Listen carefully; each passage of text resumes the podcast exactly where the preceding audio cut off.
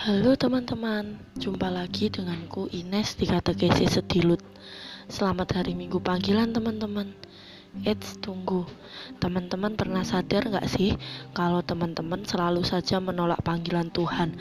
Berulang kali Tuhan memanggil Tapi teman-teman kasih alasan yang banyak banget. Beribu alasan. Alas ning caruban ki kala luas karo alasanmu. Ambiarkan. Alasan paling klasik ialah Aku kan gak terpanggil jadi romo. Aku kan gak terpanggil jadi suster Bruder atau frater. Bla bla bla. Tahukah teman-teman sekalian Kalau kita semua ini dipanggil?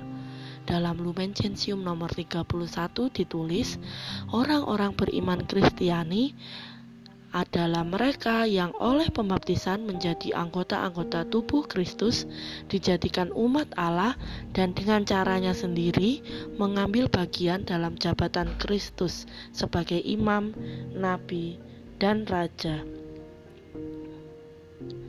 Oleh karena itu, sesuai dengan kedudukan mereka masing-masing, dipanggil menjalankan pengutusan yang dipercayakan Allah kepada gereja untuk dilaksanakan di dunia. Sudah amat jelas, bukan? Nah, kalau sudah jelas, berarti teman-teman sudah tahu ya, kalau kita ini semua sudah dipanggil Tuhan. Eh, maksudnya dipanggil oleh Tuhan demi sebuah misi yaitu mewartakan karya keselamatan. Nah, kita semua ini dipanggil, kita semua yang telah menerima sakramen baptis ini secara otomatis dipanggil dan ikut serta dalam karya pewartaan. Nah, dalam episode kali ini nih, aku mau ajak teman-teman buat melihat cara-cara Tuhan memanggil tiga tokoh Alkitab pada episode kali ini. Yuk, tak ajak lihat yuk. Di tokoh yang pertama yaitu ada Samuel. Teman-teman tahu Nabi Samuel kan? Nah, Nabi Samuel ini waktu tidur dia dipanggil Tuhan sebanyak tiga kali. Jadi kayak kalau teman-teman itu pas tidur gitu ya, terus teman-teman tidak sadar kalau HP-nya itu getar terus ada yang manggil terus akhirnya tulisannya di HP layarnya jadi miss call from God. Apalagi misalnya miss call from God-nya itu dari orang-orang yang teman-teman gak kenal atau teman-teman gak save nomornya. Nah Samuel itu juga begitu teman-teman. Nah lanjut deh. Dikira Samuel itu itu adalah suara Imam Eli.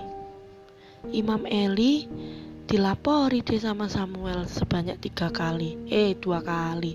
Salah kan? Gara-gara aku terlalu bersemangat untuk bertemu kalian teman-teman. Uh lalu Imam Eli tuh paham kalau sebenarnya yang memanggil ialah Tuhan Allah. Akhirnya Samuel diminta Imam Eli untuk menjawab lagi Berbicaralah Tuhan sebab hambamu ini mendengar. Dan akhirnya Samuel tahu bahwa yang manggil itu Tuhan yang mau mempercayakan kepadanya akan sebuah misi.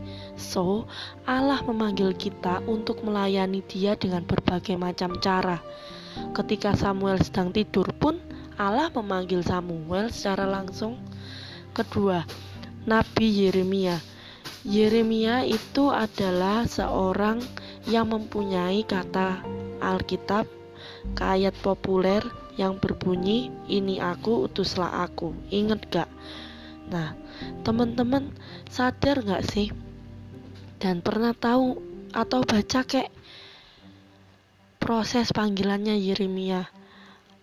Yeremia itu nolak loh aslinya. Yeremia itu alasan. Kayak teman-teman kalau dimintai tolong sama umat gereja kek atau dosen kek dan lain sebagainya itu Nabi Yeremia alasannya begini, ah Tuhan, aku ini masih muda, aku nggak pantas, aku nggak pandai bicara. Langsung Tuhan itu jawab si Nabi Yeremia, jangan katakan aku masih muda, tetapi ingatlah bahwa aku menyertaimu selalu. Dan akhirnya Yeremia mengiyakan dengan ungkapan, "Inilah aku, utuslah aku." Dari kisah panggilan ini pun kita bisa belajar bahwa dalam setiap panggilan darinya itu selalu tersimpan rencana dan kuasa Allah. Tidak akan mungkin Tuhan mau memanggil tapi Tuhan melepaskan begitu saja. Tokoh Alkitab yang terakhir ialah Yunus. Kita ingat lagu ini. Yunus di perut ikan, pam pam pam. Ingat lagu ini kan? Yunus juga dipanggil Tuhan untuk pergi kepada umat di Niniwe. Tapi apa yang terjadi? Yunus malah kabur, lari dari panggilan ini. Yunus tidak taat sehingga ia melarikan diri ke Tarsis, jauh dari hadapan Tuhan. Yunus berpikir bahwa dengan melarikan diri ke Tarsis, bah, maka ia bisa lari dari panggilan Allah.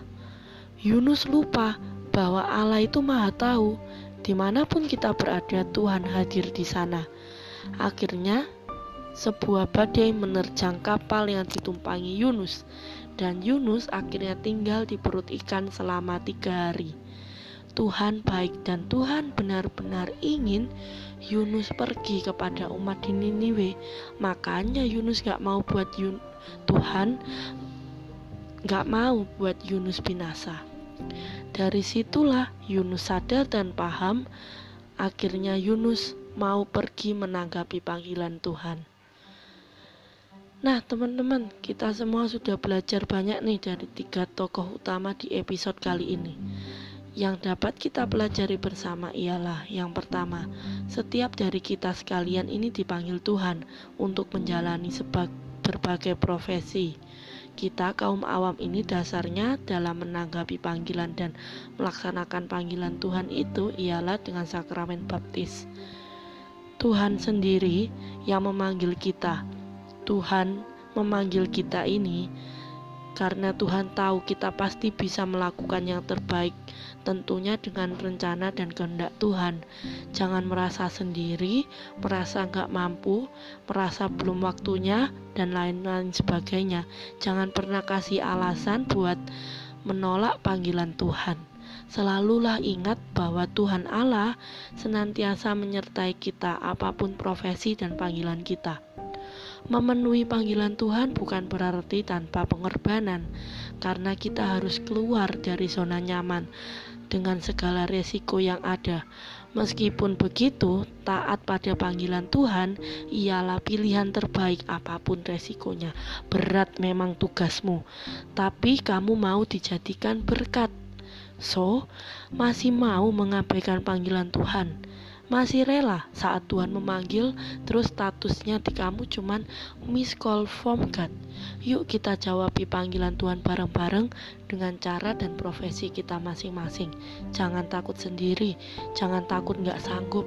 Kamu gak sendiri kok. Tuhan menyertaimu. Berkah dalam